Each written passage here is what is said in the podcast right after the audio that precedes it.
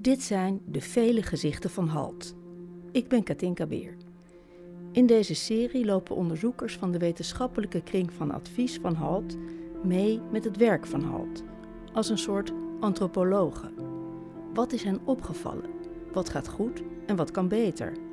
Na afloop praat ik met hen en met een HALT-medewerker die het werk toe kan lichten en kan reageren op kritiek.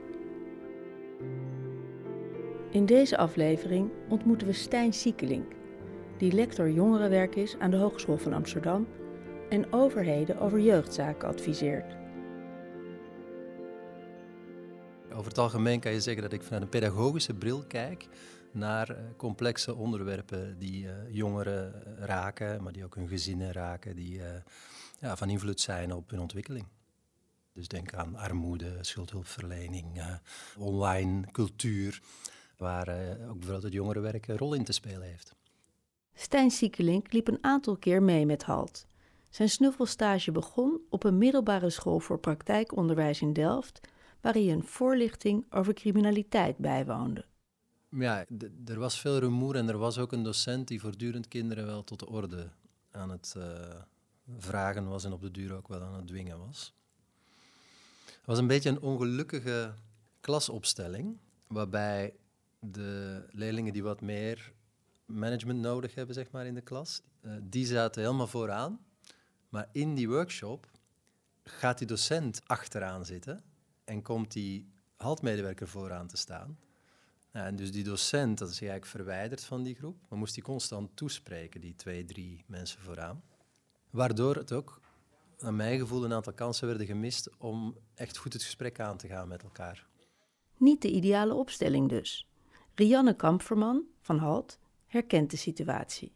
Nee, ik heb dat een keer meegemaakt precies andersom. De docent zat bij mij vooraan en uh, de leerlingen die zich niet goed konden concentreren en constant met elkaar in gesprek zaten achteraan. Nou, dat is soms nog wel eens lastig. Wat is mijn rol en wat is de rol van de leerkracht? Maar toen heb ik ook wel heel duidelijk aan de leerkracht aangegeven. Het was ook zijn eerste week, dus het was voor hem ook nog even wennen. Dat was niet zo heel erg handig. Maar toen heb ik wel gezegd, zullen we afspreken dat ik me focus op de inhoud van de les? En kunt u dan uh, zorgen dat de orde bewaard blijft in de klas? En op dat moment stond hij direct op om achterin bij de jongens te gaan zitten om ze te corrigeren. Uh, dus dat is wel fijn als je daar, ja, in principe zijn de afspraken duidelijk. Het staat in de bevestiging die we sturen aan de school, maar iedere leerkracht gaat daar toch weer anders mee om. Tijdens zo'n les komen voorbeelden langs van jongeren die iets stelen of stuk maken. Situaties die veel bij leerlingen losmaken en druk gedrag kunnen versterken. Dat roept allerlei dingen op. En sommige jongeren hebben gewoon niet die filter om te wachten voor ze daar hun, uh, hun reactie op geven. Maar dat maakt dat het belangrijk is dat je, dat je die klas goed managt. En dat was bij deze eerste groep wel, wel een flinke uitdaging. En ook wel voor mij ook jammer in die zin dat ik wel echt oprecht benieuwd was naar wat zijn nu de beelden die deze leerlingen in hun hoofd hebben. Uh, want daar was dus ook uiteindelijk geen ruimte voor. Maar ik wil gewoon weten van waarom ontlokte dat bij jou, die reactie? Of wat bedoel je met die reactie? En dan zullen er altijd mensen zijn die zeggen, ja, maar dan beloon je hem juist voor dat verstorende gedrag. Maar dat zijn wel de leerlingen voor wie halt misschien het meest kan betekenen. En dat betekent dat ook als een jongere iets roept, wat misschien wel irritant is, dat het toch goed is om door te vragen. Ik vraag aan Rianne Kamperman of het mogelijk zou zijn om meer naar de jongeren te luisteren. Ja, de, de ene keer kan het wel en de andere keer uh, lukt het niet. Want we willen eigenlijk zoveel dat een uur bijna al te kort is eigenlijk, vind ik. Tenminste, soms denk ik wel eens aan het einde van de les... ik had dit eigenlijk nog willen doen, ik had dat nog willen doen. Ja, maar ja, dan moet je alweer naar de volgende klas. Dus je kan ook niet de tijd van de ene gebruiken... en bij de ander wegpikken, zeg maar. Dus ja, je moet het wel binnen een uurtje zien te regelen. Maar het belang, ik vind het sowieso belangrijk om ook te horen uh, wat ze te zeggen hebben. Maar ik denk dat we ook moeten voorkomen dat, uh, want dat is heel leuk. De jongeren zijn zo enthousiast dat ze van alles willen vertellen aan je. Maar die tijd heb je dus niet om, want dan moet je eigenlijk iedereen de kans geven om het te vertellen.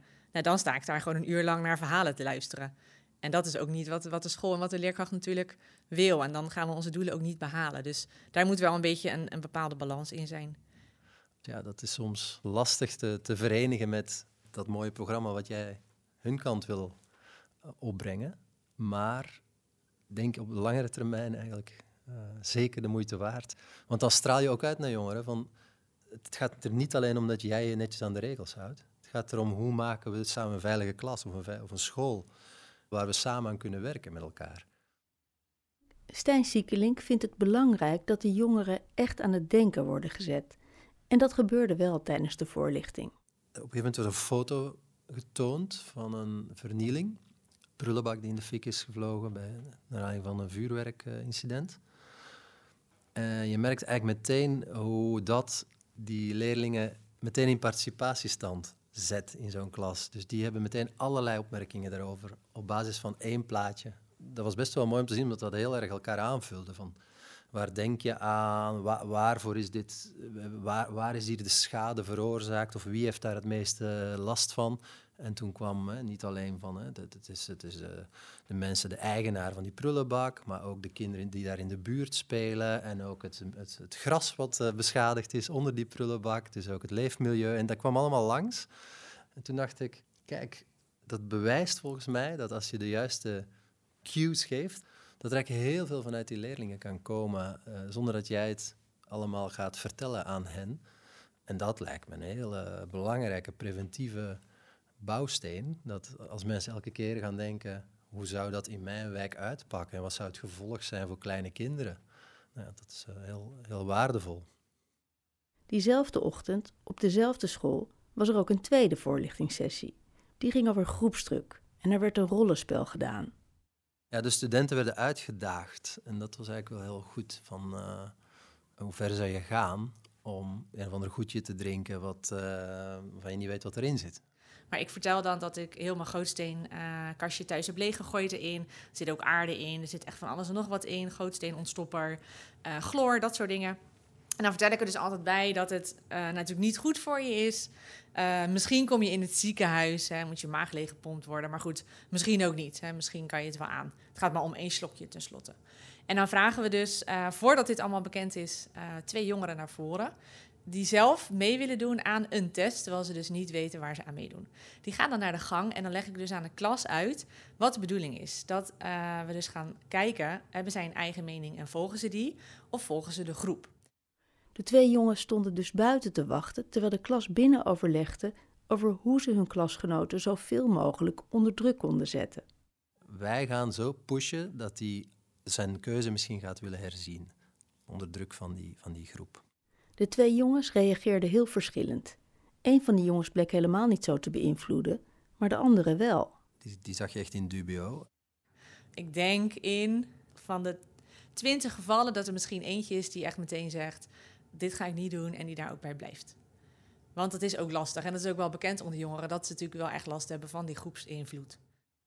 Ik denk dat dat soort spelletjes, waarbij je hè, aan de lijve ondervindt van ja, hier gebeurt iets omdat ik inderdaad in een groep uh, aanwezig ben, dat dat heel goed uh, kan werken. En ik denk dat dat zelfs nog een stapje verder mag gaan. Ik denk dat je ook nog zou kunnen zeggen, in hoeverre verandert het nu ook nog? Heeft het nog invloed op jouw gedrag dat je weet dat je misschien wel een filmpje gaat laten maken, wat zomaar viraal zou kunnen gaan op social media? Uh, dat, zou, dat zou nog net extra krachtig maken. Want dat is natuurlijk vandaag de dag heel vaak hoe groepsdruk zich vertaalt, omdat men daarmee uh, zijn status op uh, social media kan verhogen. Ook al vindt Stijn Siekelink dat de oefening uitdagender gemaakt had kunnen worden, hij is wel enthousiast over het effect van het rollenspel. Het geeft wel inzicht in hoe groepsdruk kan werken, juist door het aan de lijve te ondervinden en ook door het, als groep. De groep krijgt er ook de kans om te reflecteren op wat is die rol van die groep. En dat was wel, wel leuk, vond ik. Stijn Siekelink was niet alleen bij twee voorlichtingen, maar ook bij een haltspreekuur op een school waar een leerling in conflict was gekomen met een docent. Een, een schade had aangericht ook aan, aan het klaslokaal in een soort uitbarsting. Uh, en volgens getuigen ook iets zou geroepen hebben wat, wat bedreigend uh, was uh, overgekomen. Die leerling was op spreekuur bij HALT. Het was een tweede kennismaking volgens mij, een tweede sessie. En hij kwam eigenlijk vertellen van hoe is het nu voorbije week gegaan, want het incident was uh, twee weken geleden. En hij had iets kapot gemaakt in de klas? Ja, er was een deurstuk gegaan in, in, in, tijdens zijn uitbarsting. En uh, los van het feit dat hij ook nog eens iets naars had geroepen naar de docent, was dat wel voldoende reden om, uh, om even langs te gaan bij HALT. In het gesprek ging het niet meer over het incident zelf. De bedoeling leek vooral om de jongen meer inzicht te geven in zijn emoties. Hoe ging het nu de voorbije week? We hebben een gesprek gehad na dat incident. Merk jij verbetering? Uh, heb je nog wel momenten gehad waarin je dacht: hier zou ik uh, zomaar boos over kunnen worden? En wat doe ik dan? De jongen zei van ik, ik ben wat rustiger voor mijn gevoel. Ik heb minder de neiging gehad de voorbije tijd om mijn beheersing te verliezen. En daar leek het toch wel iets te maken te hebben met het gesprek wat hij gewoon gehad had met de HALT-medewerker. Dat hij even had kunnen reflecteren op wat was daar nu gebeurd. Maar er was ook iets anders wat Stijn Siekelink opviel. Wat je ook zag, was dat de jongen best wel uh, aan het zweten was tijdens dat gesprek. En het mooiste moment, het meest, meest ja, moment wat ik denk ik niet snel zal vergeten, is het moment waarop eigenlijk het gesprek bijna klaar was voor je gevoel. Zij was ook een beetje afgerondende vragen aan het stellen, de, de HALT-medewerker. Um, en ze vraagt nog van, oh ja, en uh, online uh, nog iets meegemaakt? Of hoe, gaat het daar? Ja, nee, nou goed, nee, helemaal uh, geen probleem.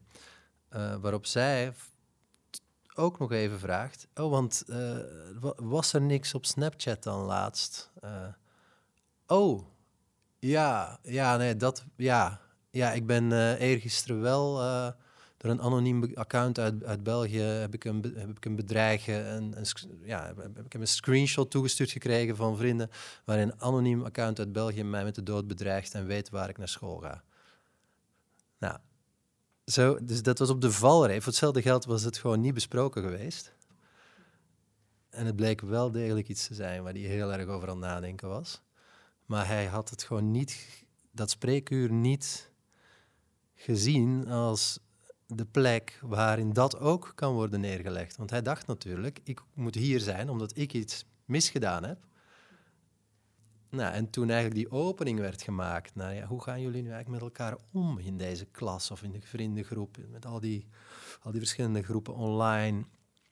Ja, toen kwam er van alles naar boven en bleek eigenlijk dat er, dat er best wel een cultuur is van ja, wat, ik, wat ik al aangaf in het begin van het gesprek. En, en, dat blijkbaar helemaal niet zo gek is om elkaar dood te wensen. Um, en dat ook nog eens op een school waar best wel wat incidenten plaatsvinden.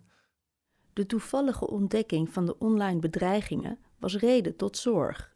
Ja, dat was, dat was wel aanleiding om even een stapje, stapje dieper te gaan. Uh, hoe kunnen we ervoor zorgen dat, het, uh, dat we zeker zijn dat dit een grap is, hè? dat het niet een echte bedreiging is. Um, maar ook hoe kunnen we ervoor zorgen dat het misschien minder logisch wordt gevonden door leerlingen om elkaar met de dood te bedreigen. En daar zijn we dus in gesprek gegaan meteen met de directeur diezelfde ochtend nog. Halt heeft toen ook een voorstel gedaan om de situatie aan te pakken. Socratische gesprekken met leerlingen voeren, of in elk geval hè, dat, zeg maar, voorbij dat ene individu, want hij was eigenlijk de, kanarie in de, in de kolenmijn. Hij heeft het gesignaleerd, maar het is blijkbaar iets wat, wat veel meer speelt op die school en, en in die vriendengroepen. Waar de school tot dusver heel weinig beeld van heeft. Elke onderzoeker die meeliep met HALT kreeg een thema mee waar ze extra op moesten focussen. Siekelings thema was de sociaal weerbare samenleving. Ja, de gedachte daarachter is in mijn perceptie dat je eigenlijk HALT kunt zien als een manier om als samenleving wel degelijk om te gaan met gedrag wat niet thuis hoort in de samenleving, zonder dat het meteen uh, in justitiële uh, keten thuis hoort. Um, en dat is denk ik waar we allemaal eh, een voordeel mee kunnen doen als samenleving. Want je, je grijpt eigenlijk vroeger in. Maar aan de andere kant oefen je ook met elkaar wat het is om bepaalde oordelen uit te spreken over gedrag en te gaan kijken hoe je dat gedrag kunt, uh, kunt veranderen. Is het iets dat u belangrijk vindt? Ja, absoluut. Het is heel belangrijk om jongeren te helpen oefenen met wat het inhoudt om het goede te doen in de samenleving en, en, wat, en wat niet oké is. Wat zou er beter kunnen vanuit HALT? Ik denk dat HALT er goed aan doet om een helder beeld te hebben, niet alleen van specifieke casussen van personen, jongeren, maar ook van de hulpbronnen die om gezinnen heen zitten. En daar heb ik niet altijd bewijzen van gezien in mijn korte snuffelstage, dat die banden heel sterk zijn. Maar ik denk dat daarin realistisch moeten zijn. Halt kan niet het leven van die jongeren op een duurzame manier de juiste kant op sturen als er geen samenwerking is met partijen met wie die jongeren vaker te maken hebben. Hoe groot is de impact van HALT, denkt u? Nou, dan moet ik toch vooral terugdenken aan het, dat spreekuur op school. En dan denk ik, het feit dat dat spreekuur plaatsvond en dat dat zoveel nieuwe informatie um, naar boven bracht over hoe die jongeren met elkaar online uh, omgaan. Blijkbaar wordt de school door de jongeren niet gezien als een voldoende veilige omgeving om dit te uiten, om dit, om dit naar boven te, te, te, te brengen, te delen met een professional. En, en in, die, in dat hal spreekuur gebeurde dat wel. En dan denk ik wel dat dat, dat zegt heel veel. Dus daar heb je hele tastbare impact als halt. Tot slot, als we uw morgenhoofd alles maken van halt, wat, wat is het eerste dat u verandert?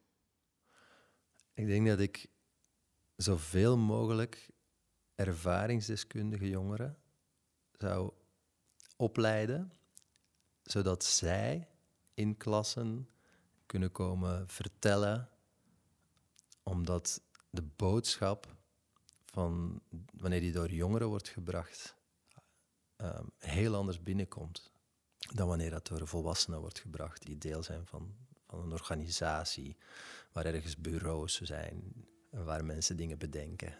En dat is denk ik waar, waar we soms nog steeds te makkelijk overheen gaan. Um, de boodschapper doet er enorm toe. De Vele Gezichten van Halt is een podcast gemaakt in opdracht van Halt. Opzet en montage Jennifer Patterson. Eindredactie Jaap van der Spek en Willem Lammering. Productie Natasja Koppuit. Muziek Darius Timmer.